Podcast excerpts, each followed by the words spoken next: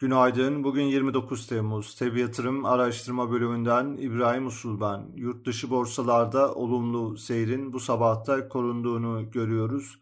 Endekslerde Fed'in faiz toplantısı sonrası ivme kazanan yukarı hareket devam ediyor.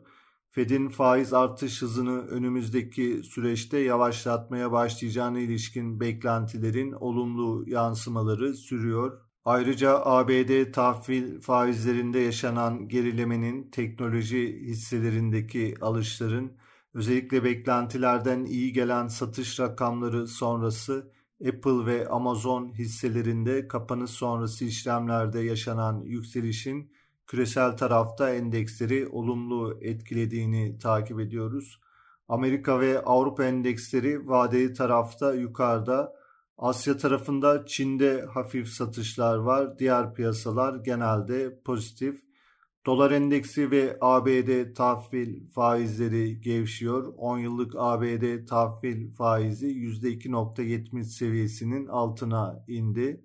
Ons altın yükseliyor. Ons fiyatı yeniden 1750 dolar seviyesinin üzerine döndü. Amerika'da bugün kişisel gelir, harcama, PCE verileri ve Michigan Tüketici Güven Endeksi takip edilecek.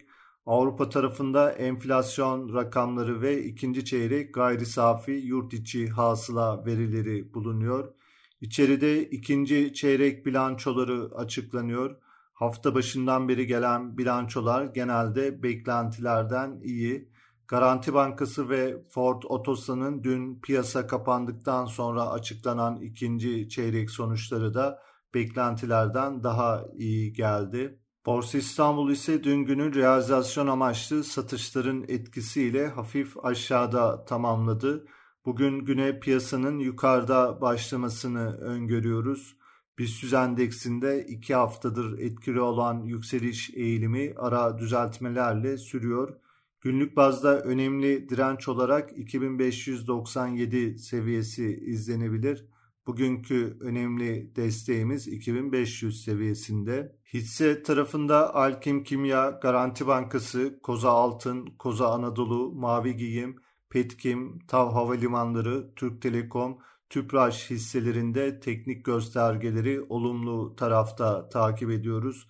Piyasaları değerlendirmeye devam edeceğiz. Teb yatırım olarak herkese iyi bir gün dileriz.